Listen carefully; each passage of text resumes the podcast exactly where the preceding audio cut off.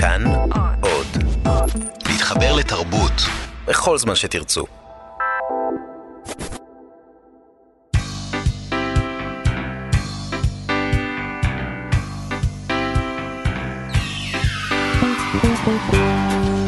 מאחורי הקלעים, שעה עם רותי קרן על צידו הנסתר של עולם התרבות והאומנות.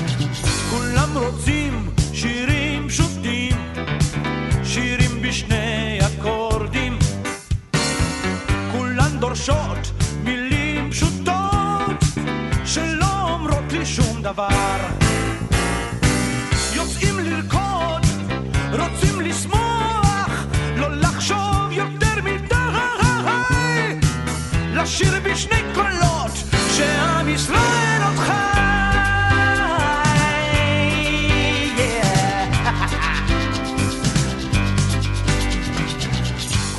שירים פשוטים? לא בטוח שזה מה שכולם רוצים. רוצים שירים טובים, אפקטיביים, מרגשים, מרוממים, מקפיצים, מין אה, פרגמנט מוזיקלי קצר שיעשה לנו את זה. כמה זמן עורך שיר? שתיים, שלוש, ארבע דקות? אבל מאחורי כל שיר כזה, שעות, ימים, אפילו חודשים של עבודה לא פשוטה כלל וכלל, ואני מדברת על התהליך אחרי שהשיר נולד. יש מילים, יש לחן, עכשיו צריך לעשות מזה שיר. להקליט, לעבד, לערוך, לשפץ, כך שהעשייה הטכנית, שהיא הרבה מעבר לטכנית, נזקפת כולה לזכות טכנאי הקול באולפנים, שלהם חלק מהותי וקריטי בתוצר הסופי המוזיקלי. חווה אלברשטיין, דני סנדרסון, גידי גוב, דיוויד ברוזה, מאיר אריאל, שלמה גרוניך ושלומי שבן, יוסי אלפנט, בנזין והקליק כמובן. רשימה חלקית של יוצרים ישראלים שחווים לא מעט לאורח שלנו היום בימי אחורי הקלעים, איש הסאונד והמיקסים יואב שדמה, אני רותי קרן מגישה ועורכת, אלון מקלר על הביצוע הטכני. שלום יואב. שלום. אז מה כל כך מסובך? למה זה צריך להימשך כל כך הרבה זמן? הקלטות ומיקס זה תהליך יצירתי, וזה תהליך יצירתי שהוא לא תמיד הכי פשוט בעולם. וזה לוקח זמן, לפעמים זה בא בהשראה ובמהירות, ולפעמים זה לוקח בעבודה קשה ולאורך זמן.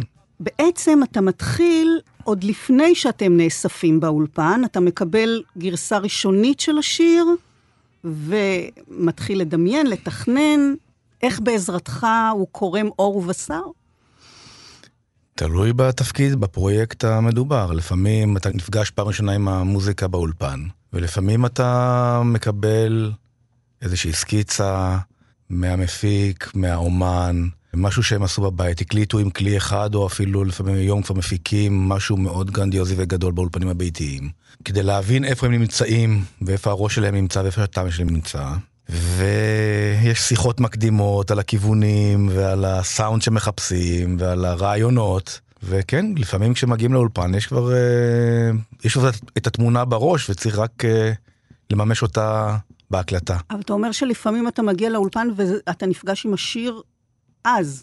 כן, אז גם קורה. אין זמן לתכנן, אתה צריך uh, לעבוד לא רק אינטואיטיב. זה, היום בתחילת המאה ה-21, לפעמים אה, מקליטים רק חלק קטן מפרויקט, ואתה אפילו לא יודע מה- איך הפרויקט הולך להישמע בסוף, ואתה צריך להתחבר אליו בצורה אינטואיטיבית מיידית.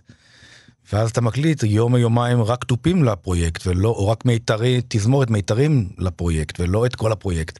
ואתה צריך לפגוע בסאונד כדי שכשהוא יגיע בסוף למאזין, זה יהיה מה שאנשים חלמו. זה מאתגר, כן. בלשון המעטה. כלומר, זה לא מספיק שיש אה, מילים חזקות, מוזיקה טובה, צריך עוד מרכיבים כדי להוציא את השיר כשיר. מרכיבים כאלו שרובנו לא מודעים לקיומם בכלל. אז מה ההבדל בין השיר כחומר גלם לשיר בצורתו המוגמרת? איפה בדיוק החלק שלך בתוך השיר? שיר יכול לעבור הרבה מאוד גלגולים מהיום שהמלחין או הכותב כתבו, ועד שזה מגיע ל... אל המאזין הביתה.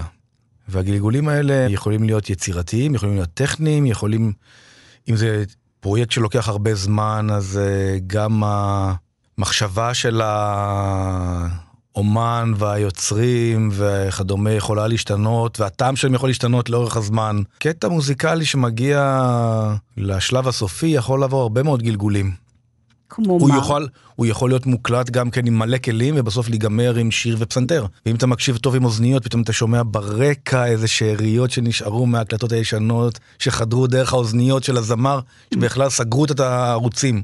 הכל יכול לקרות, זה ממש, אה, כשאנחנו עובדים באולפן, אני תמיד אומר שהשיר, במיוחד במיקס, השיר מכתיב את עצמו, ולפעמים הוא גם, הוא, הוא, הוא, את גם, הוא גם עצמו. מבשל את עצמו. הוא אומר לך מה הוא צריך, אתה רק צריך להקשיב. אם אתה מקשיב, אז uh, יכולים לחול הרבה מאוד שינויים בדרך. והחלק שלך בתוך העסק הזה, אתה יכול להגדיר אותו?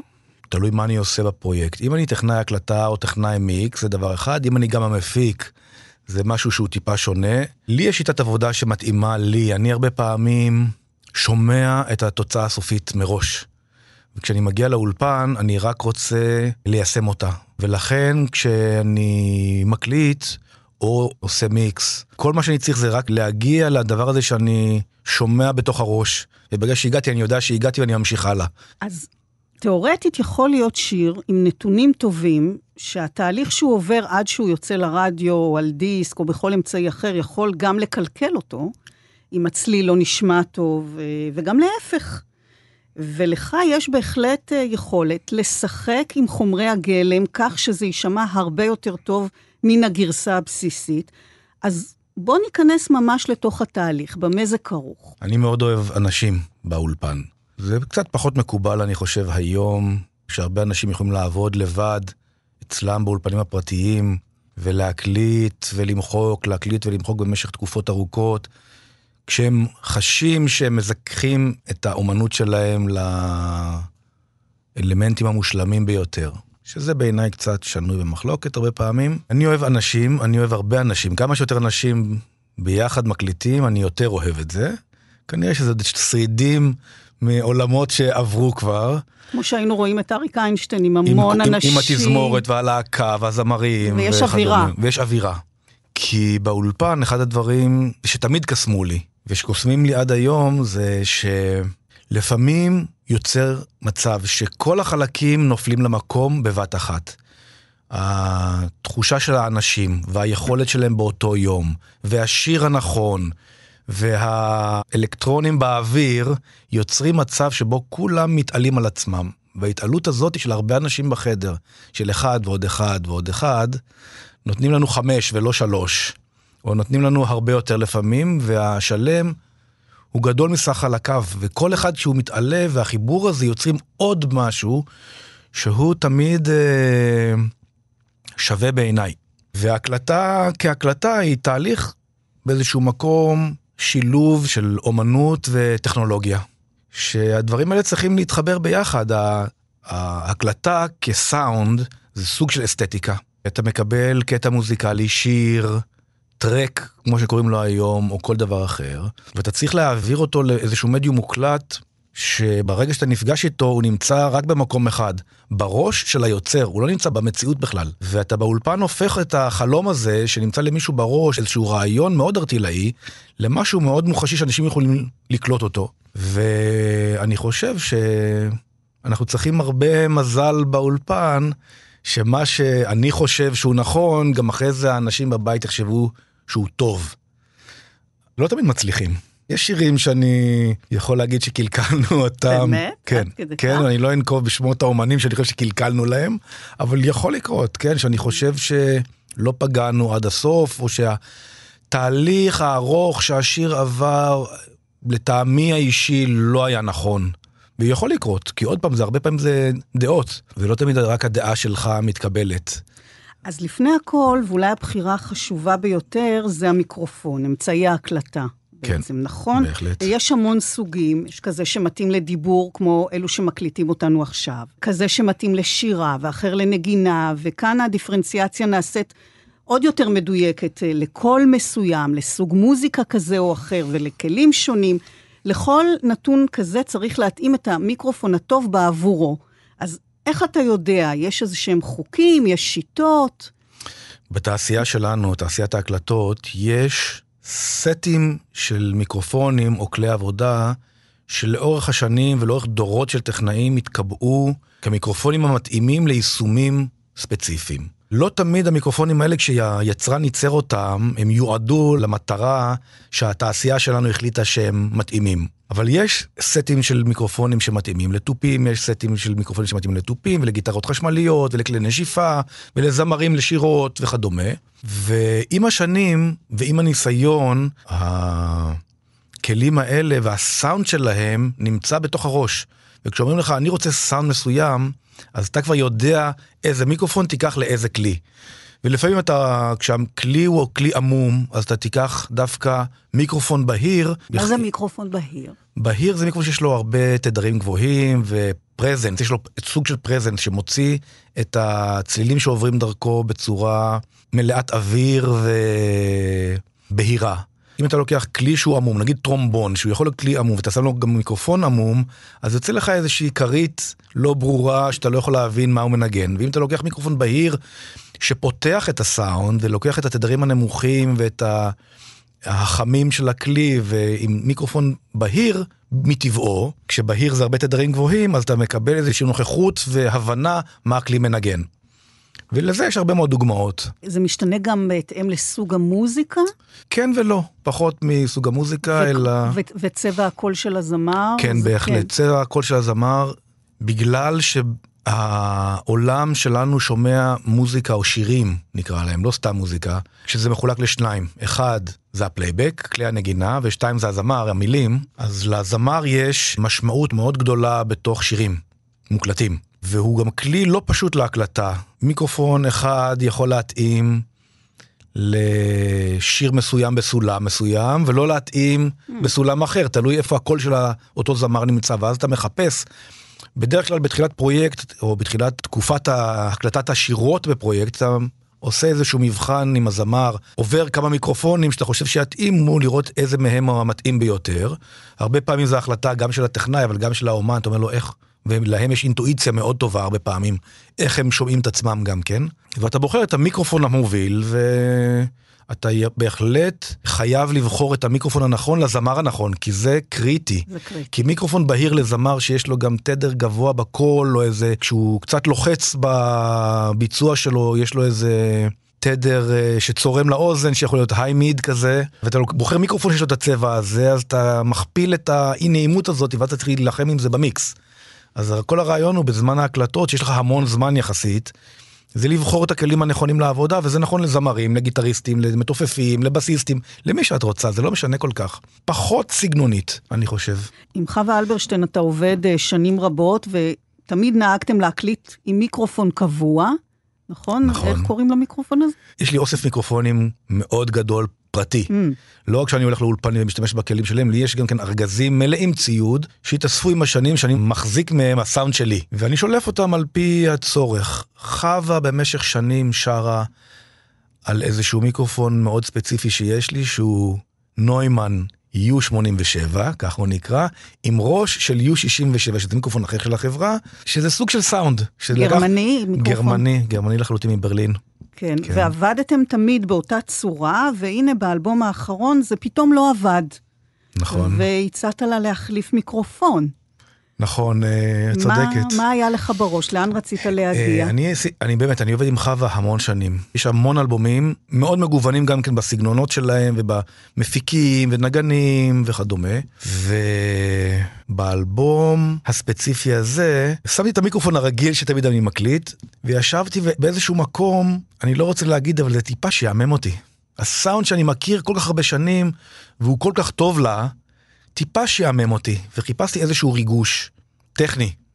טכני כי הריגוש הזה גורם לה, לחווה לשיר אחרת, וגורם לסוף לתוצאה להישמע אחרת. ושאלתי אותה, אחרי שאישרנו את השיר הראשון, אמרתי, תשמעי, אני רוצה לעשות איזשהו שינוי, להחליף אולי מיקרופון, לעשות מיקרופון אחר. אכפת לך? הכל בשיא הכבוד, כי באמת חווה זה חווה. נכון. וחווה יש לה ניסיון של אס, לא יודע כמה, 60 אלבומים, יותר אפילו, והיא יודעת בדיוק הכל, ואין לה... היא לא משחקת משחקים וזה, זה... והיא אמרה לי, כן, זה התפקיד שלך, תעשה מה שאתה צריך, מה שאתה מרגיש. אז עשיתי מה שהרגשתי ובחרתי מיקרופון אחר, שעולה חמישית בערך, אבל היה לי איזה סאונד בראש שחיפשתי, וידעתי גם איזה, מה אני רוצה לעשות, והחלפתי מיקרופון. זה הכל, רק החלפתי מיקרופון, ועשינו את עוד טייק של אותו שיר, והיא אומרת לי, דרך הזכוכית, כמו שאנחנו אומרים, כן. יואב זה נשמע לי טוב, בוא נתקדם. יאללה, בוא נתקדם. בוא נתקדם אז היא בחמש שעות או שש שעות סיימה לשיר את כל האלבום. על המיקרופון הזה החדש, שלא ניסינו אותו אף פעם, שהיה רק לי בראש ולא לאף אחד אחר. וכשהיא יצאה היא אמרה לי, תשמע, חוויה כזאתי של שירה לא עברתי מאז האלבום הראשון שלי. וואו. זה היה לשיר בבת אחת את כל האלבום. שזה נדיר. נדיר, זה לא קורה אף פעם. היא אמרה, המיקרופון והסאונד גרם לי פשוט לרצות לשיר. האופן שבו היא שמעה את עצמה. כן, איך שהיא שמעה את עצמה, הדקויות, הגוון של הקול שלה שעבר דרך המיקרופון, גרם לה לאיזשהו מצב שבו היא באמת, זה נדיר, היא שרה בזמן מאוד קצר, אלבום שלם, זה כמעט לא קורה. וואו, זה מרגש. זה מרגש. אני גם כן לא האמנתי, זה היה... זה באמת חוויה, זה החוויה הזאת שאתה, שהשערות עומדות לך על, ה... על היד. הרגשת את זה, בחרת בדבר כן. הנכון, ותראה איזה אפקט היה לזה. זה ועל כל האנשים בחדר, ועל ה... זה עובר גם כן אחרי זה באלבום עצמו. הקיץ הבוער הוא אביב, ואימי סתיו הגובע בבשמים. סבי החורף השומר אביבי, ואני אביב ממטיר גשמים.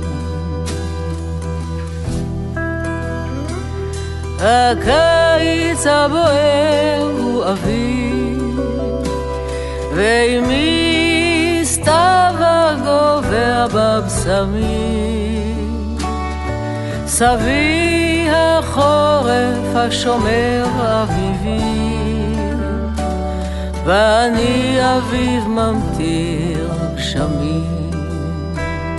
ולאט לאט אני עובר בקיץ הבוער, ולאט לאט אני חולף בסתיו הגובע, ולאט לאט אני נרדם בחורף, ואחר כך מי יודע, מי יודע, ואחר כך מי יודע, מי יודע.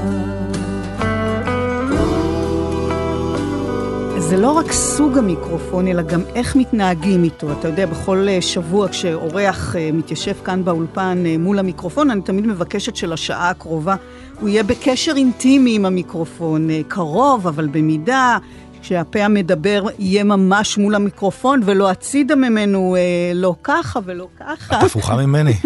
אני אומר לזמר, אל תתקרב למיקרופון, תהיה חופשי לגמרי, תעמוד גם חצי מטר מהמיקרופון, אין לי שום בעיה עם זה. פשוט תשתחרר. אני דווקא לא אוהב שמתקרבים, כי למיקרופונים, במיוחד מהסוג הזה, כמו שזה שאנחנו מדברים עליו, אם אני מדבר אליו ומתקרב, אז יש יותר נמוכים. והנמוכים האלה, אחרי זה צריך, כשאנחנו עושים מוזיקה, צריך להילחם איתם כדי להתנגש עם כלים אחרים, עם הרמוניות לא נכונות. אז אני אוהב שהזמר עומד טיפה רחוק, והמיקרופון מעביר את הקול הטבעי שלו בלי שהוא נשמע גדול מהחיים עצמם. לפעמים בשירים מאוד אינטימיים, אתה דווקא מבקש שיתקרבו, כי הזמר שר מאוד שקט.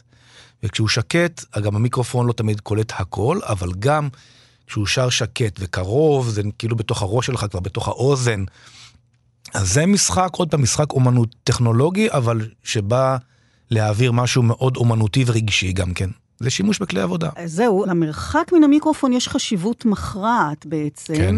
כשאתה אומר שאתה מעדיף את הרחוק, אבל אז זה קולט את החלל גם, אבל נכון? באולפן החלל הוא חלל שמיועד לאפשר התרחקות, כן. והוא מטופל, והוא אקוסטי, זה לא אמבטיה. אין החזרים יותר מדי מהקירות, החלל הוא ניטרלי יחסית. אנחנו שואפים להגיע לאיזשהו חלל הקלטה לא סגור יותר מדי, לא אטום, לא עמום, אבל גם לא מהדהד יותר מדי, יש משהו טבעי, ואנחנו שולטים במרחק. וטכנאי הקלטה, אחד הכלים הכי חשובים שלו זה להכיר מה אוויר עושה. כי סאונד זה אוויר שזז, זה מולקולות של אוויר שזזות. והתפקיד של טכנאי הקלטה זה להכיר מה קורה לאוויר כשהוא נע מהזמר או מכלי הנגינה אל המיקרופון, ולהתאים את המרחק, להתאים את הזווית, להתאים אה, המון דברים. אני מבינה שגם עם כלים אתה לפעמים מעדיף, עם תופים למשל, שהמיקרופון לא יהיה מאוד מאוד קרוב. אז איך הגעת למחשבה הזאת, לידיעה הזאת, צריך להרחיק, צריך להתאים. כשאתה ניגש לפרויקט יש הרבה פעמים רעיונות שיש לך בראש, אבל אתה מגיב אינטואיטיבית למצבים משתנים. זה דבר שאני לא יכול להגיד לך אפילו איך, Mm. כי זה תהליך פנימי שאני עובר עם התפקיד שאני שומע, עם הנגן שמולי, ועם הסאונד שאני שומע בראש, ואני מנתח, זה תהליך של שברירי שנייה, אז אני אפילו לא חושב על זה, זה מאוד אינטואיטיבי, של הדבר הבא, של הצעד הבא. ואני עושה אותו, אני, זה נורא קשה, לה, אני, אני לא יכול אפילו לנתח את זה. אני שומע בראש סאונד, לפעמים זה קרוב, לפעמים זה רחוק, לפעמים זה בהיר, לפעמים זה עמום, לפעמים זה אלף ואחד דברים, לפעמים זה עם אפקטים, לפעמים זה בלי אפקטים, ואני פשוט מיישם. וכשאתה טכנאי עם הרבה שנים על ה... מתחת לחגורה, כמו שאומרים, אתה יודע כבר מיידית מה אתה רוצה ומה יהיה הכלי ליישם את זה, ואתה מבצע. אז בחרת מיקרופון, אבל מיקרופון קשור גם למכשיר שמקליט. גם כאן אתה בוחר בכל פעם משהו אחר? פחות, כי מכשירי הקלטה הם הבסיס של האולפן. בעבר היה לנו מכשירי הקלטה על סלילים, וזה מה שהיה לנו, היינו מקליטים, לא יכלתי לבחור מה שאני רוצה, והיום יש לנו הקלטות דיגיטליות למחשבים, אבל זה לא דבר שאתה יכול להחליף, זה דבר שהוא... הוא כמו שיש לך קירות, יש לך גם מכשיר הקלטה, זה אחד מהדברים שאותם אתה לא יכול להחליף. והפורמט משתנה עם השנים, הטכנולוגיה משתנה, יש מעט מאוד אולפנים בישראל שיש להם את כל הטכנולוגיות, האנלוגיות הקודמות והדיגיטליות החדשות. יש כמה, אבל מעט. אבל קורה שאני בוחר באולפן בגלל מה שיש לו, גם בגלל אה, לפעמים שהמפיק או האמן מבקש. אה, כן, לדוגמה, יש בקשה. לדוגמה, לפני מספר שנים לעברי לידר היה פרויקט שנקרא TYP, שזה היה פרויקט לחו"ל, והם רצו להקליט כלי נשיפה על סרט שזה יישמע כמו כלי נשיפה שהיו מקליטים פעם. ניו אורלינס כזה. לא ניו אורלינס, אבל יותר כמו blood, sweat and tears אה, כאלה. קלאסיקה של כלי נשיפה. והלכנו לאולפן שיש בו מכונת הקלטה, הבאנו טרקים מהמחשב, הקלטנו אותם שני ערוצים למכשיר ההקלטה הרב ערוצי, ואז הקלטנו את הנשפנים על הסרט, כשהיו חייבים טכנאי שיודע להפעיל את זה, כי היום זה, זה, זה לא פשוט. כן. בעולם המחשבים אתה יכול לעשות undo. בעולם ה- הישן אתה מקליט ואתה התחייבת, אין undo, אתה לא יכול לבטל כלום מה שעשית, ואם הקלטת משהו, מחקת משהו אחר במקומו. אז הם היו צריכים מישהו שיודע לתפעל את זה, וגם לי קצת, בגלל שלא השתמשתי כבר כמה שנים במכשירי הקלטה האנלוגיים, לקח לי איזה חמש עד עשר דקות להיזכר בבליסטיקה, כי לכפתורים ולאלקטרוניקה יש זמן תגובה. שהוא שונה מהדיגיטל שהוא מיידי, זה זמן תגובה שאתה צריך להתרגל אליו, כי לכל מכונה גם כן יש זמן תגובה שונה ואתה צריך להכניס למערכת שלך, ואתה עושה בראש את התיקונים הקטנים האלה, שאם אתה לוחץ על כפתור, כמה זמן עד שקורית הפעולה. זה מאוד מהר יחסית, אבל זה לוקח זמן. אלפית שנייה ב- זה- בסאונד היא זה- משמעותית זה- ביותר. זה אתה יכול למחוק צליל. כן. בדיוק, והקלטנו. ואני, עם הזמן, אחרי חמש דקות התרגלתי, ואוקיי, אני חזרתי לעבוד כמו שאני רגיל. לנגן על זה. לנגן, ממש לנגן על זה, וזה רץ אחורה, אתה שומע כאלה רץ אחורה, וכמו שאנחנו מכירים מסרטים ממש. ובסוף ההקלטה, המפיק אה, אומר לי, בואנה, לא ידעתי שכל כך מהר אפשר לעבוד עם מכשירים אנלוגיים. הייתי בטוח שלוחצים הקלטה בהתחלה, ומקליטים טייק שלם מההתחלה עד הסוף שלוש דקות, וזה מה שעושים, ומקליטים הרבה כאלה, ואז עורכים, אמרתי לו, לא ידעתי שאפשר לעשות כמו בדיגיטל, להקליט ולתיקונים על צלילים בודדים כמו שעשית, ואמרתי לו, כן, כל מה שאנחנו עושים היום בדיגיטל זה פשוט התפתחות של מה שתמיד עשינו, רק בטכנולוגיה אחרת, אבל זה עדיין אותו דבר. וחייבים להתחייב. כן, הקלטת, מחקת. זה ה... לפעמים אתה... הלב לא נופל למקום נמוך כשאתה צריך איזה משהו מסובך לעשות, אתה יודע שאם אתה לא פוגע אז אתה מוחק משהו שאסור למחוק, זה די מפחיד. דיברתי קודם על האינטימיות עם המיקרופון, נראה לי שגם לך יש איזה קשר מיוחד עם המכשירים. ואני לא מדברת על ההבנה הטכנית של מה הם מסוגלים לעשות, אלא משהו מעבר, הנשמה של המכשיר, אם יש משהו כזה, נכון? עלית עליי. תמיד אני אומר שטכנאי טוב צריך לדעת באיזה מקום לבעוט במכשיר כדי שהוא יעבוד. למכשירים יש נשמה, אני מאוד מאמין בזה, ויש אנשים שיש להם את זה, ויש אנשים שאין להם את זה. מכשירים יש להם שפה משלהם. הם לא תמיד עושים מה שאתה רוצה שהם יעשו, במיוחד אם זה מכשירים ישנים, אז בכלל אתה לוחץ על כפתור ולא קורה כלום, אתה חושב שזה יעשה משהו, זה עושה משהו אחר, אתה חושב שיישמע, וזה נשמע אחרת לגמרי. וכן, למכשירים יש נשמה, ואני חושב שיש לי חיבור עם המכשירים האלה. יש כן. לך דיבור איתם. יש לי דיבור איתם, בהחלט. זה אולי קשור לעובדה שלא הגעת לעולם הזה של סאונד כבחור צעיר שנדלק על התחום, לומד, מתמקצע. אתה בעצם שיחקת עם מיקרופונים ומכשירי הקלטה כבר כשהיית ילד קטן. טייפ, סלילים של אבא שלך. כן, אבא שלי, כבר זיכרונו לברכה, צבי שדמה, שהיה יקה טוב ומאוד אה, מאמין בטכנולוגיה, קנה לעצמו כשהוא היה צעיר גאדג'טים, מצלמה, מקרן שקופיות, גאדג'טים של שנות ה-60 כאלה, ואחד הדברים שהוא קנה, אני לא יודע למה עד היום, היה טייפ. טייפ ארבע ערוצים של סוני, לא יודע למה הוא קנה אותו, כי הוא לא השתמש בו. הטייפ הזה היה בתוך המזנון בסלון, סגור. עם מיקרופון, עם סלילים, עם כל מיני דברים. עם סלילים, כלומר גדול כזה. גדול, גדול, טייפ סלילים, גדול. ממש טייפ כמו טייפ שהיה סליל- לנו באולפן ממ- פעם. ממש כזה. ואני בכיתה ד' הייתי בערך בן עשר, וראיתי את המכשיר האפור הזה שהיה מונח שם בתוכו, ושאלתי אותו בדחילו ורחימו, כי לא העזתי לבקש, כי ידעתי שהוא יגיד לי לא, אם אני יכול להשתמש בו. ולהפתעתי הוא אמר כן, ומשם זה התחיל. שלפתי מכשיר הקלטה ומיקרופון, והתחלתי ב- לראות שזה מסתובב, ומה עושים, ואיך שמים את הסלילים, ואיך מקליטים, ומה קורה כשאתה מקליט על ערוץ אחד, ואז על ערוץ שני, ואז שלישי, ועל רביעי, ואם אתה יכול לחבר ביניהם, ולהפוך אותם, ולהוסיף אפקטים, ולהקליט. זה היה הצעצועים שלך. זה היה הצעצוע העיקרי שלי אחרי שגמרתי עם המקאנו ועם המעבדת כימיה הקטנה שקנו לי, זה הדבר הבא זה היה כבר טייפ. מה הקלטת? מפופ ועד בכלל ברשות השידור ביום שני, יום, מהרדיו. יום, יום שני בתשע בערב נתנו לי להקליט. הייתי מקליט מהרדיו, שירים שאהבתי, ככה התחלתי, הייתי מקליט כל השלום, היה פעם איזה יום של הביטלס, הקלטתי את כל היום, היה איזה 24 שעות, הייתי ער 24 שעות, הקלטתי הכל על לא יודע כמה סלילים, מחקתי כמויות, יצרתי ספרייה, ואז הקלטתי שירים למסיבות של הכיתה. ואתה צריך להיות סוג של די-ג'יי כזה, אתה מקליט כמה שירים מהירים, ואז איזה סלואו, אתה יוצר לעצמך ספריית אה, ידע על שירים בראש, ומקליט מתקליטים לסרטים. פשוט אה, אהבת את כל העניין הזה, התאהבת כן, בזה. ואז חותך. אחר כך התחלת גם לחתוך בסכין ונייר דבק, סכין גילוח, סכין רגיל. גילוח, כמו סכין שפעם גיל- היו עורכים. סכין גילוח של גילוח אמיתי, כן. כן. ועושה ג'ינגלים לבית ספר, ו... כן, כן, אז כן. היום זה נראה לגמרי פרימיטיבי, אבל סכין וסרטים, צ'יינו וסלוטייפ, פעם היו עושים באמצעותם קסמים. נכון, לא היה לי זה- צ'יינו, לא ידעתי מה זה צ'יינו, זה הכל היה לפי האוזן, אתה עושה כזה קדימה אחורה. אז זה ז'אנגלריות כזאת. בדיוק, אבל לא היה לי את הצ'יינו, הייתי לפעמים חותך לא במקום, כי עם הצ'יינו אתה יכול לסמן על הראש, בדיוק. אבל לא היה לי כזה דבר, לא ידעתי שעושים זה, זה גיליתי כשהגעתי לאולפן הרבה שנים אחרי הלאה, שאפשר. אגב, היום אתה מתבקש לעשות קסמים מהקלטות אה, ישנות של ארכיון כל ישראל, רשות השידור לשעבר, שבימים אלה עובר תהליך דיגיטציה לארכיון החדש של אה, תאגיד השידור שלנו, ואתה משחזר סרטים ישנים, חלקם נגועים בעובש או פטריות ומודבקים. איך עושים את זה? אמ, היות ואני עושה היום המון דברים בתחומי הסאונד. אני לא מוחק, אני לא, בא- התפקיד שהוא לא למחוק, הוא רק להוסיף, להקליט. תמיד מוסיף לעצמי עוד ועוד אחריות ועוד אחריות ועוד משימות ועוד צובר לעצמי דברים שאני עושה. יש לי חברה ייעודית שעושה שיקום של אה, חומרי גלם אודיו-ויזואליים ישנים. הקלטות, קלטות, וידאו, פילים וכדומה, ואנחנו גם משקמים את זה, גם מצילים את זה בהרבה מקרים, וגם מעבירים את זה לפורמט דיגיטלי שאפשר להשתמש בו היום, גם בארכיונים וגם לשימושים אחרים.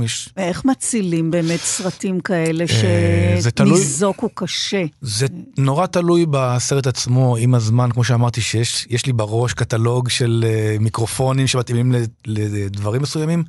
יש לי באותו ראש בדיוק, כשאני עושה סוויץ' לכובע אחר, לכובע של המשקם אודיו, יש לי בראש את אה, רשימת היצרנים ורשימת הבעיות שהיו לסרטים שלהם לאורך השנים. זה עוד פעם דבר שאתה לומד עם הזמן, שדבר שאני תמיד אומר לעצמי, אני חייב לכתוב את זה מתישהו, כי יום אחד מישהו אחר יצטרך את זה ולא אני. כן. ולסרטים יש המון בעיות, במיוחד סרטי הקלטה, שאנחנו מדברים כרגע על הקלטות ושידור, יש המון בעיות. חלקם נעשים פריחים ונשברים. ממש, אתה נוגע בהם, הם מתפוררים. חלקם הופכים להיות דביקים ונדבקים על המכונות, שזה רוב מה שאנשים נפגשים נכון. איתם, ולזה יש מלא תופעות. ולכל אחד מהם יש אה, פתרון אחר. כימי? לסרטים שמתפוררים יש פתרון כימי. בעבר פיתחתי חומר מיוחד שמחזיר להם את הגמישות. לא שאני כימאי כזה גדול, אבל קיבלתי את הטיפים, לאן איפה אני צריך להסתכל, מאנשים שהמציאו את הסרטים בחברת 3M האמריקאית, ופיתחתי חומר כימי להחזרת גמישות לסרטים שהם אה, קשיחים ומתפוררים. את הידע איך לטפל בסרטים הדביקים, אני חושב ששכללנו, לא המצאתי אותו, אבל שכללתי אותו יחד עם הרבה אנשים ברחבי העולם. היום זה כבר ידע כללי, פחות או יותר, אבל עדיין הידע הכללי הוא מה עושים, אבל לא איך עושים. כשלפעמים אתה אומר, אתה יכול לתת להרבה אנשים את אותו המרכיבים, אבל התוצאה היא שונה. אז אה, שכללתי את הטכנולוגיה שהיא היא לא כימית במקורה, אבל היא עוסקת בכימיה של סרטי הקלטה, כן? ומתערבת בכימיה, כי הסרטים מתפוררים ומתפרקים, ויש פירוק של הדבקים וכדומה, ואנחנו יודעים איך להחזיר אותם לאיזה חלון זמן מאוד קצר, שיתנהגו כמו שהם חדשים, ובחלון הזה חייבים להעביר אותם. להעביר אותם ל... ואז הם חוזרים, זה כמו דוריאן גריי. אתה עושה פעולה, הסרט פתאום מתנהג כמו חדש, ואחרי כמה שבועות, או לפעמים חודשיים שלושה, הוא חוזר להיות אבוד. וואו. בואו נחזור אבל לאמצעי כן. העבודה מפעם, על הקלטות מוזיקה, טייפ סלילים, בעצם די הכתיב את שיטת העבודה. היום בעידן המחשב הכל אה, דיגיטלי, יש את ה undo המופלא, כמו שאמרת, שבעצם כן. לא היה פעם, אה, מה שצמצם את יכולת השינויים, את המשחק אה, האפשרי, ואולי בעצם מיקד. קיצר תהליכים, אולי אפילו אילץ את כולם להיות מוכנים, מדויקים, כי האופציה לשוב ושוב ושוב לא הייתה, ולך היה אפילו אינצידנט בהקשר הזה עם אה, ענבל אה, פרלמוטר, זיכרונה לברכה, בהקלטה של המכשפות, מחקת לה בטעות אה, איזה סולו. קורה, יכול לקרות. היא לא היחידה שזה קרה, לצערי הרב, אבל זו דוגמה מאוד טובה.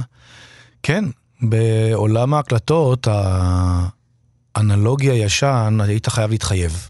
וזה תהליך של קבלת החלטות. אתה מבצע משהו, מחליטים אם הוא טוב או לא טוב, אם הוא טוב שומרים, אם הוא לא טוב, מקליטים עוד פעם. אבל אי אפשר לצבור את ההקלטות, זה לא נקליט ואז נחליט. זה נחליט ונקליט ולא נשאר כלום, החלטנו, זהו. ולפעמים תקשורת בין בני אדם באולפן היא דבר קריטי, חייב כל הזמן להיות, להבין לפעמים חשוב. ניואנסים על ניואנסים על ניואנסים, ומאוד מרוכז. בעולם ההקלטות הישן נקרא לו, אתה יוצא אחרי שמונה שעות אתה סחוט.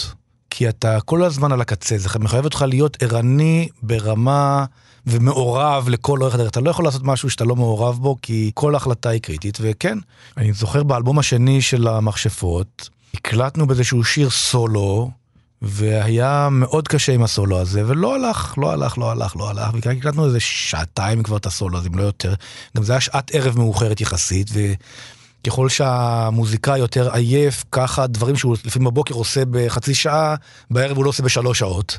למרות שהוא בטוח שהוא בשיאו, כבר הקשר בין מוח ליד הוא כבר לא משהו. והקלטנו איזשהו סולו, ואני זוכר שהקלטנו גם בחלקים. ובאיזשהו שלב שמעתי אותו, אמרתי, טוב, אז הקלטנו איזה קטע ואמר לי, בוא נעשה עוד פעם.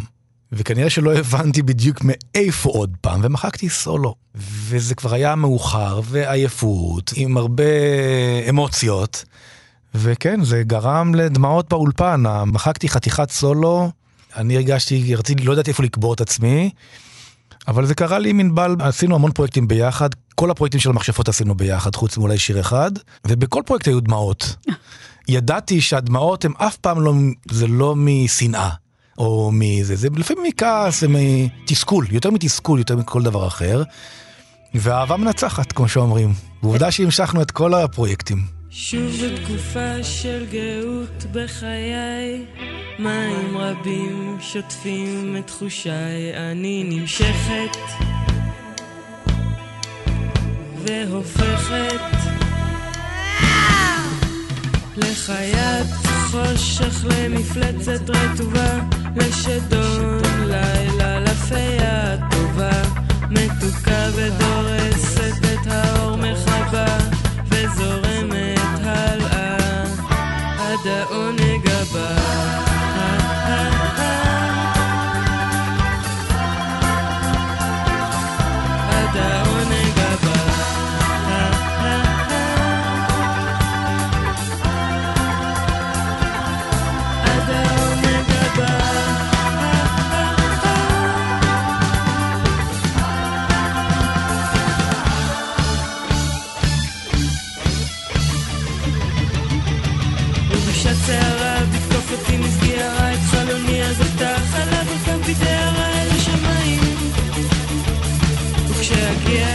כרטוס של אור צהוב ודק אני ניצחתי במשחק אני נמצאת עכשיו עמוק בתוך המים.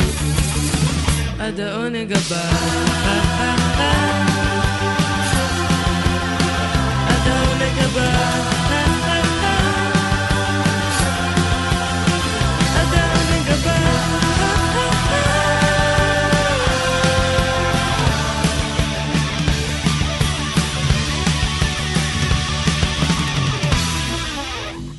כלומר, נדרשת ממך יכולת הכלה ותקשורת בין אישית לא פחות ממיומנות טכנית. נזכיר למאזינים שהיום אה, במאחורי הקלעים הצצה לתהליך הקלטה, עיבוד ועריכה של שירים ישראלים באולפן כאן תרבות, איש הסאונד הוותיק יואב שדמה ואני רותי קרן.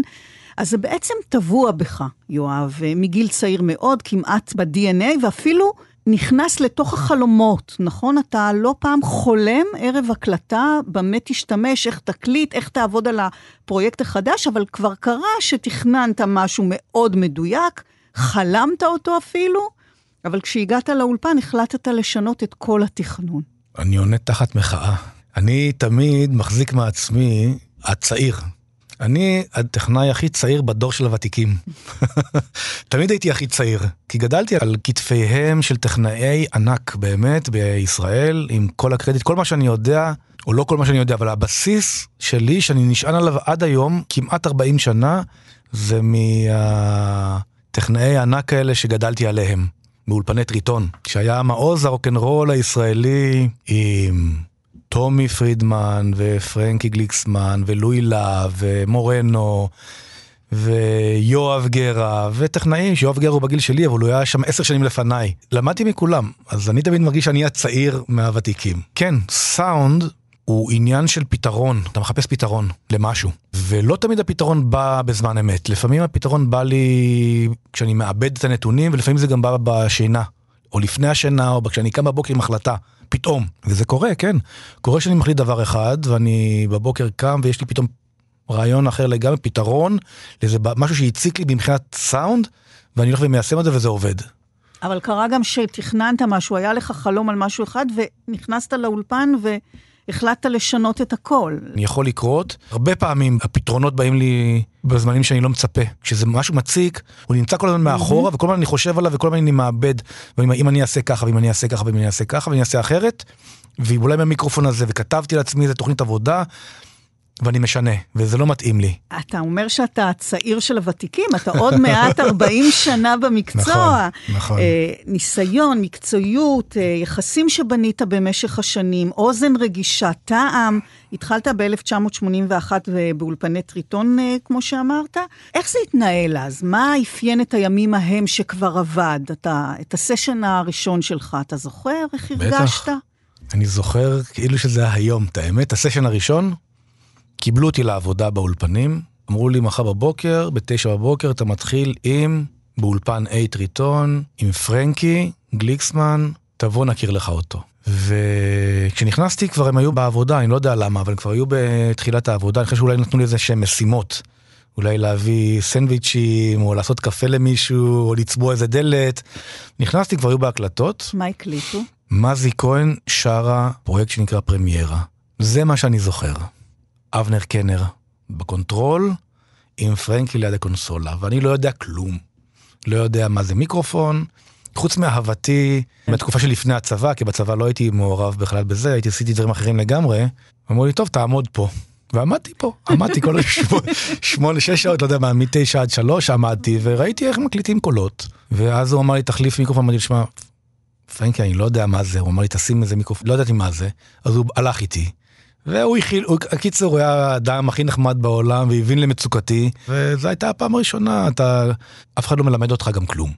אתה צריך לקלוט את זה מהאוויר. Mm. אתה זבוב על הקיר, עושה מה שאומרים לך, מצד אחד, שזה המון קפה ומאפרות, כי הוא מעשנים אז, מאפרות ומנקה ומסדר כבלים וזה, ותוך כדי אתה רואה מה הטכנאים עושים, אתה לא בדיוק מבין למה הם עושים, אבל אתה רואה מה הם עושים ואתה קולט.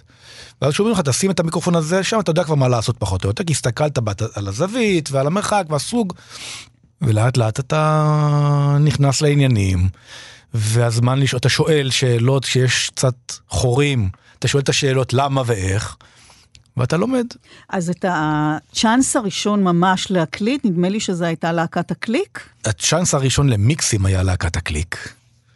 ואתה האלבום עובד הש- איתם עד היום. כן, מי, כן. מה הייתה ההקלטה הראשונה? אה, וואו. בוא נזרק שנייה לחורף 82, אני חושב. חורף 82. הייתי עוזר טכנאי בכיר כבר, ותיק יחסית, כבר הייתי כמעט שנה באולפן. כבר הקלטתי, כבר קיבלתי להקליט.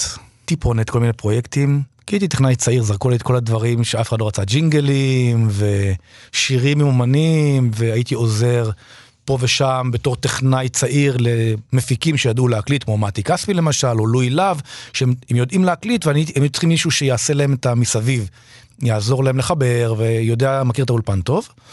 אבל גם רציתי להתאמן, לא הייתה דרך להתאמן, הייתי צריך להתאמן, אז ב... והיה חוק באולפן, שאתה יכול להתאמן על סלילי הקלטה שכבר פרויקטים שכבר יצאו, פרויקטים ישנים. ואני עשיתי דבר שאסור לעשות, אני במוצאי שבת, לקחתי את השותף שלי לדירה, דרור, שהיה לו רכב. היה לו רכב, הוא היה מתופף בעברו. ופיתיתי אותו לבוא לאולפן, כי לא ידעתי בש... איך לבוא בשבת לאולפן, הייתי צריך מישהו עם רכב. אז פיתיתי את דרור, אמרתי לו, תשמע, בוא לאולפן, אני אתאמן, ואתה תנגן על התופים. זה הערב, והוא ניגן על התופים, משתולל וזה, ואני התאמנתי על מיקסים של פרויקט שעוד לא יצא בכלל, שהיה באמצע ההקלטות, של להקת הקליק. דבר שאסור לעשות, שברתי כאן חוק שאסור לעשות. ודרור, ידידי, בגלל שלא היו מחשבים והכל היה ידני, הייתי צריך את הידיים שלו מדי פעם, אז באתי ולימדתי אותו, שהוא היה מתופף, אמרתי לו, תשמע, בוא אתה תפתח תסגור טמטמים במקומות, כי שיהיה שקט שהם לא מנגנים. ואז הוא חזר לנגן, לימדתי אותו, ואז הוא חזר לנגן קצת, ובעשר וחצי יש דפיקה בדלת של האולפן. עכשיו אני אומר, מי מגיע בעשר וחצי בלילה לאולפן? אני פותח את הדלת, בדלת עומדים אלי אברמוב ועובד אפרת מהקליק. אומרים, מה אתה עושה? אז אני, נפל לי הלב. ואני אומר, הם מגמגם, מה, הם הגיעו במקרה? אני לא יודע מה הם עשו שם, תשמעי, זה קוסמי לחלוטין. אין לי מושג מה הם עשו באזור תעשייה, באולפן, קומה חמישית, למה הם כנרת באו? 15, לא יודע. אין לי מושג, אבל הם באו. מה אתה עושה? אמרתי להם, גמגמתי, אמרתי, "תשמעי, אני מתאמן על מיקס. איזה מיקס? אמרתי להם, שיר שלכם. עכשיו, הם יכלו לגרום לפיטוריי בשנייה זאתי. וקריירה שלי הייתי עכשיו בטח משהו אחר לגמרי, עובד באיזה הוצאת ספרים, אני יודע. הם אמרו לי, בוא נשמע. והדגמתי להם את המיקס. והם הסתכלו עליי, והם אמרו, בוא נגמור את זה, בוא נסיים ביחד את המיקס. וישבנו עד איזה 12 וחצי בלילה, סיימנו את המיקס הזה. הלכנו הביתה, בבוקר אני מקבל טלפון מציפי, המזכירה של האולפן, היא אומרת לי, יואב, תשמע, התקשרו מהמשרד של הקליק, אני לא נשמתי, נפל לי ממש, הייתי בטוח שאני עף מהעבודה, וביקשו שאתה תהיה הטכנאי מיקסים שלהם, ומשם זה היסטוריה. מיקסים, זה בעצם עריכה של החומרים, נכון? מיקסים זה לקחת הרבה מאוד מרכיבים מוזיקליים, תפקידים שמוקלטים, כל אחד בנפרד, לחבר אותם ביחד שייצרו שיר שאנחנו מכירים. זה מיקס, זה מיקס, לוקח את הערוצים הבודדים, יכולים להיות ערוצים בודדים, יכולים להיות כמה עשרות, יכולים להיות כמה מאות היום גם, כן, אני כבר עשיתי מיקסים של מאות ערוצים, ולחבר אותם למשהו שאנחנו מכירים, ששומעים אחרי זה בבית. כלומר, כשמקליטים, לא כולם מנגנים ביחד? לא תמיד, לא. הקלטות יכולות להיות כולם ביחד, שזה חלום. אתה מקליט בבת אחת ואתה גומר בשלוש שעות טרק, ואז נשאר רק המיקס. וזה יכול להיות גם כן בהקלטה, בונים מבנה שלם מוזיקלי, שמתחיל, יכול להתחיל עם תופים, בס וגיטרה ואיזה שירה, ועל זה בונים את כל השאר.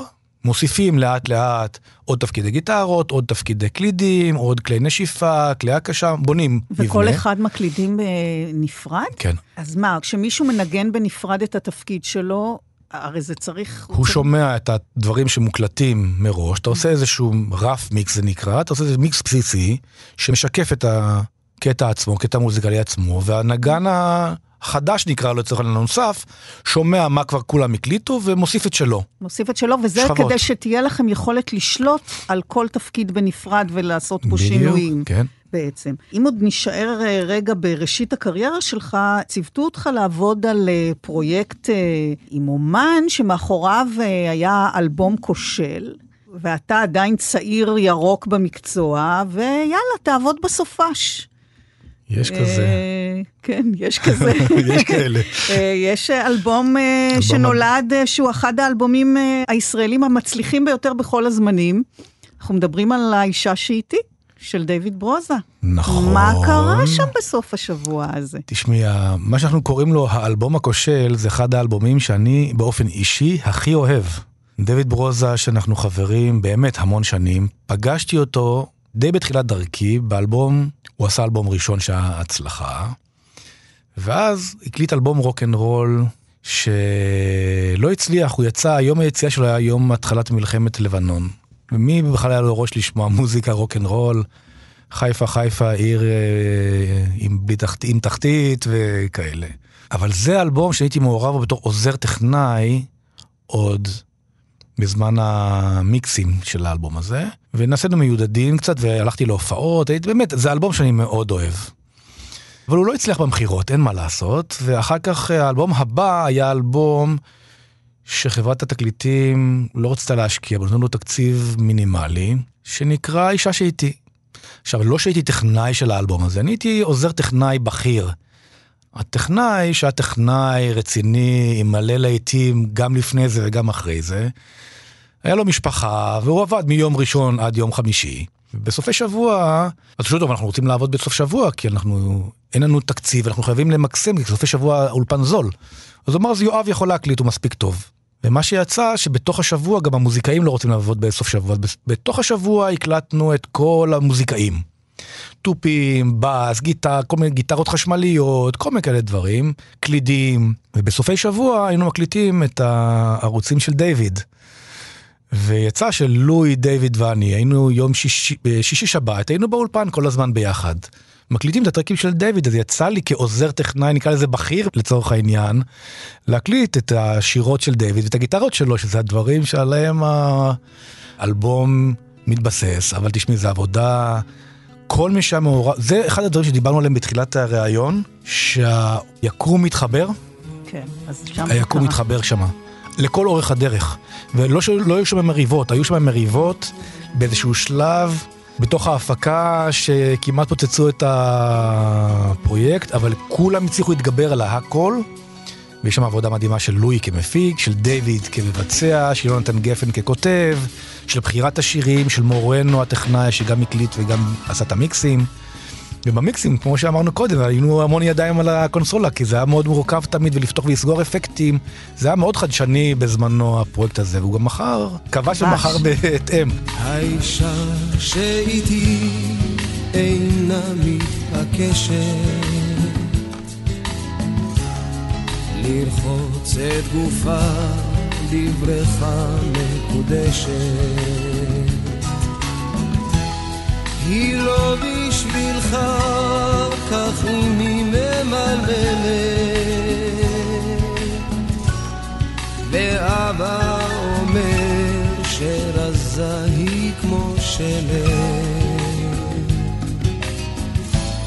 אבל היא אמיתית יותר מכולנו. זו אהבה כמו בזמנים לפני שנולדנו. רק אני יודע.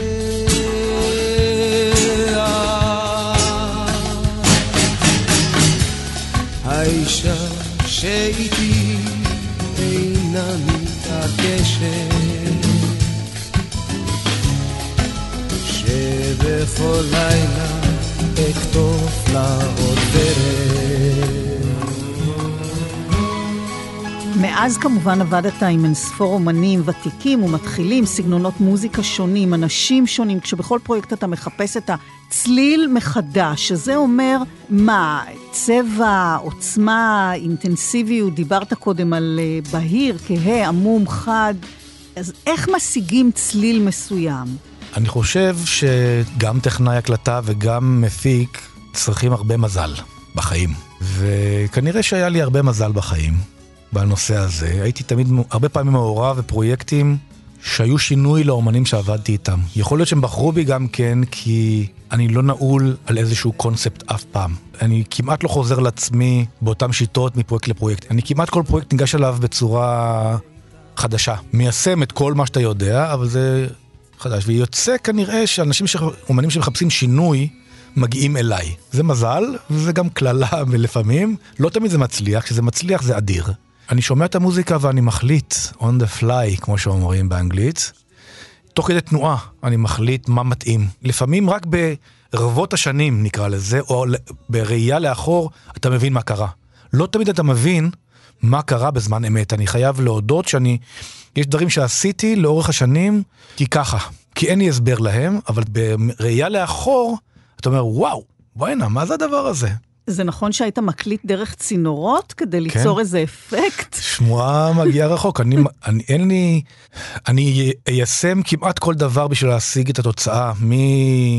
להכניס וספה למעלית ולהקליט אותה, ועד אה, להקליט דרך צינורות ודרך ספוגים ודרך, אם המיקרופון מכוון למקום אחר בכלל, או מרוחק מהמוזיקאי חמישה, שמונה מטר, ובשביל להשיג איזושהי תוצאה, באמצעות גם המיקרופונים וגם ה... נקרא להם המרכיבים האלה, וכן, צינורות יש להם סאונד. וכשצינור הוא דק, יש לו, כל מי שמדבר דרך צינור יודע שלצינור יש סאונד, ואני באיזשהו שלב חשבתי שיהיה מעניין להקליט דרך הצינורות האלה, כי זה עושה סאונד. והשתמשתי בזה תקופה מסוימת, אני כבר לא אשתמש בזה הרבה זמן, כי זה לא, לא זוכר שהיה פרויקט שקרה לזה, אבל הייתה תקופה שהייתי משתמש בזה די הרבה. שמה, כן. מי, הזמר היה שר דרך צינור או מה? אמ, פחות, בדרך כלל זה היה עוד מרכיב באיזשהו אוסף של מרכיבים. נגיד, אני אמקם מיקרופון בצורה המסורתית, ועל זה אני אמקם עוד מיקרופון אחד בצורה מאוד לא מסורתית. ואם זה מעניין, אני אשמור את הלא מסורתי הזה ואשתמש בו בתור תבלין במהלך ההקלטה. שמה המיקרופון מקליט בעצם? הוא מקליט את הסאונד שהוא עובר דרך צינור, ואז הוא מקבל צבע אחר לגמרי. לפעמים זה צבע מפחיד, לפעמים mm. זה צבע מצחיק, לפעמים זה נשמע כמו משהו דרך צינור. כן. המאזין יכול לדמיין לעצמו מה זה סאונד דרך צינור, ולהבין שזה כמו משהו דרך מנהרה, דרך מערה, וכשהצינור גדול, זה מערה גדולה. זה יוצר איזשהו שינוי באוויר. ואמרנו שסאונד זה אוויר, זה תנועה של אוויר, ואני חשבתי באיזשהו מקום, מה יקרה אם אני אשלוט בצורה אחרת בתנועה של האוויר? זה תמיד בא מאיזשהו, אתה שואל את עצמך שאלות, ואתה מנסה לתת תשובות טכניות, שיהיו גם כן לא רק טכניות, אלא גם אומנותיות איזה שהן. לפעמים זה עובד טוב, לפעמים אתה יכול, אני יכול להקליט פרויקט שלם עם המיקרופון המוזר הזה, הוא יופיע רק בשיר אחד, לא בכל השירים. זה טעות לחשוב שאם אני מקליט מלא ערוצים, הם גם כולם מגיעים בסוף לתוצאה הסופית. לפעמים זה לא. זאת אומרת שהבחירה נעשית תוך כדי, בעריכה, האפקטים האלה, אתה בוחר אותם בעריכה. שומע, אני הרבה פעמים שומע את זה כבר תוך כדי הקלטה, או בסוף השלב הראשון של ההקלטה, שאתה עושה את הבלנס הראשוני בשביל להבין איפה אתה נמצא, אני כבר מבין מה אני רוצה, ומה שעובד טוב נשאר, מה שלא עובד טוב אני מוחק. והחתירה היא גם לצליל נקי? זה המדד לאיכות, או שדווקא צליל קצת מלוכלך במרכאות, רעשי רקע, היסים, נותנים איזה אותנטיות, או באמת איזה גוון חם, אישי, שמתקרב אולי לתחושה של הופעה, ופחות של משהו שנעשה במעבדה? בתחום שלנו יש שני מושגים, יש היי-פיי ויש לואו-פיי. היי-פיי זה איכות גבוהה, לואו-פיי זה איכות נמוכה. אני, מה שיש לי הרבה פעמים כחתירה לאיזשהו צבע מסוים שלי, זה לואו-פיי שנשמע מיליון דולר. כאילו לואו-פיי, משהו שהוא על הנייר פחות איכותי, ושיישמע הכי איכותי שאפשר. כי קצת משהו בעיוות, בלכלוך, קוסם לי, מאוד. אני עד היום, קשה לי להאמין ש... אני שם מיקרופון ואיזה משהו מטייל דרך כבל ואני שומע אותו אחר כך ונשאר לכל החיים, להיסטוריה. אני, עד היום זה פלא בעיניי. אז אני כמו ילד עדיין מחפש את המשהו המוזר הזה. אתה לא רוצה את זה סטרילי. אני עושה המון דברים מלוכלכים, מלוכלכים שהם סטריליים לגמרי. שזה משהו שהוא איזשהו ניגוד. כן. זה יכול להיות משהו שהוא מאוד לא סטרילי בהגדרתו, אבל הוא יהיה הכי נקי בעולם מסביבו. כלומר, אני אניח זכוכית מגדלת ואני אגדיל משהו שהוא יהיה נורא בפוקוס, והוא יהיה, יישמע עשיר ויפה, אבל על הנייר יהיה לו מלא עיוותים פנימיים, לכלוכים, זמזומים, חרחורים, עיוותים הרמונים עם פדלים של גיטרות על שירה ועל תופים, כל מיני דברים כאלה קטנים שהם נכנסים ויוצרים איזושהי תגובה אצל המאזין. ועד כמה אתה משתף בהחלטות ובבחירות שלך את האומן עצמו? זה החלטות שלך? זה דורש אישור שלו? סומכים עליך? זה הצד המקצועי שלך, או שיש חילוקי דעות, יש ריבים? אם אני מאוד גאה אז אני משתף, ולפעמים אני לא משתף ומחכה שיגיבו על משהו. אם לא מגיבים ואני אוהב את זה, זה נשאר, לא תמיד אני צריך להגיד הכל. לפעמים אני אומר, וואו, תשמעו איזה, מה זה, ולפעמים אומרים לי, זה לא טוב, בוא נעיף את זה, זה לא טוב. בסופו של דבר, לאומן ולמפיק, אתה מתחשב בדעתם, זה, בסוף זה הפרויקט שלו. כן. אם לא שכנעת אותו שזה טוב וצריך להישאר, אז אתה, אני באופן אישי לא משאיר את זה. זאת אומרת, אני לא, אבל לא תמיד אני אומר הכל. ואני שומר חלק מהסודות שיגלו אותם. אם לא גילו אותם, כשאתה עובד יש דברים, מלא דברים אינטואיטיביים שלא תמיד אתה משתף אותם, לפעמים זה, אתה משתמש באיזשהו אפקט, כי משהו שהנגן ניגן, או משהו במהלך ההרמוני, או אקורדים, או משהו כזה, עשה לך איזה טריגר ופתח לך משהו שאתה, פתאום פתח לך משהו שאתה זוכר. איזושהי השראה מאיזה מוזיקה שאתה פתאום נפל עליך, ואתה עושה את זה, איזה הומאז'. והדברים שלי מלאים בהומאז'ים. אני מלא הומאז'ים. כן? ממש, כן. גם אני אוהב נורא מוזיקה, מת על מוזיקה ישראלית, ואוהב מאוד מוזיקה בכלל, וגם יש לי אוסף אדיר ותקליטים ודיסקים ומה שאת רוצה. ויש המון הומאז'ים קטנים כאלה שזה לא חיקוי, אבל זה פתאום יש לי איזה טריגר למשהו, ואני אומר, או, oh, אני אפתח איזה דיליי, כי זה מזכיר לי פתאום את הסרט דיווה, ששם זה הפסנתר עם הפעם, פעם, פעם, פעם כאלה, ואני, וואו, התפקיד הזה תפור, ואני פותח אותו אפקט בדיוק, רק אף אחד לא יודע למה עשיתי את זה. אבל עשיתי את זה. אני לא תמיד משתף, לא אומר להם כי. לי בתוך הראש עברתי תהליך עם עצמי, חייכתי, עשיתי. כן. ופותח, אנחנו נפתחים למלא דברים, זה לא תמיד צפוי אפילו. טוב, אז זה לא היה מתוכנן, יואב, אבל הגעת לכאן עם אה, סיפורים מרתקים, תוצר של המון שנים בתחום ההקלטות והמיקסים, סיפורים שקשורים להרבה מאוד שירים שהם חלק מן המוזיקה והיצירה הישראלית, ולכן נאפשר לעצמנו להמשיך את השיחה איתך גם בשבוע הבא. נשים אה, פסיק עכשיו, נספר למאזינים שאת המשדר הזה אפשר לשמוע שוב גם בשבת בשתיים בצהריים וברביעי ב-11 בלילה בשידורים החוזרים, וכמובן אה, בהסכת, יחד עם כל התוכניות הקודמות של מאחורי הקלעים. תודה לך בשלב הזה, איש הסאונד יואב שדמה, אני רותי קרן, מגישה ועורכת, אלון מקלר על הביצוע הטכני. כאמור, חלקה השני של השיחה ישודר במאחורי הקלעים בשישי הבא בשש. לא צריך שתדליקו לי נר,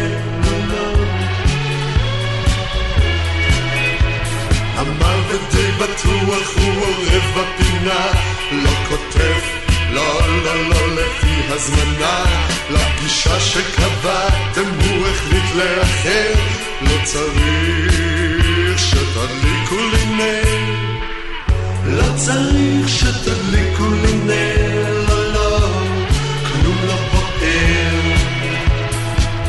לא צריך שתדליקו לי נר,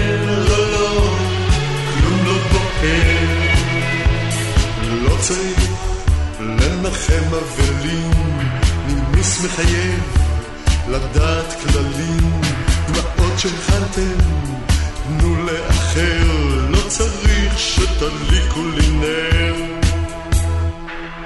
לא צריך שתדליקו לי נר, לא, לא. לא צריך שתדליקו לי נר,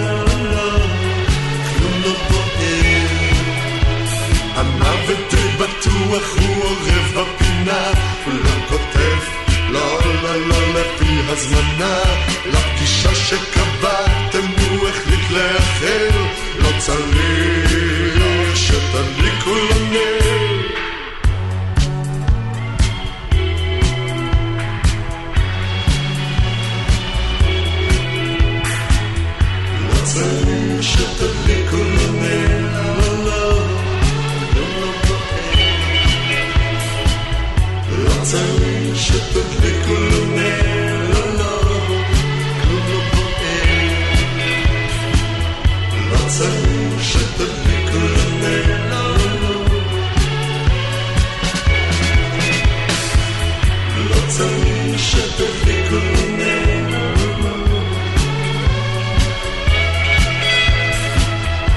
צריך שתדליקו לי נר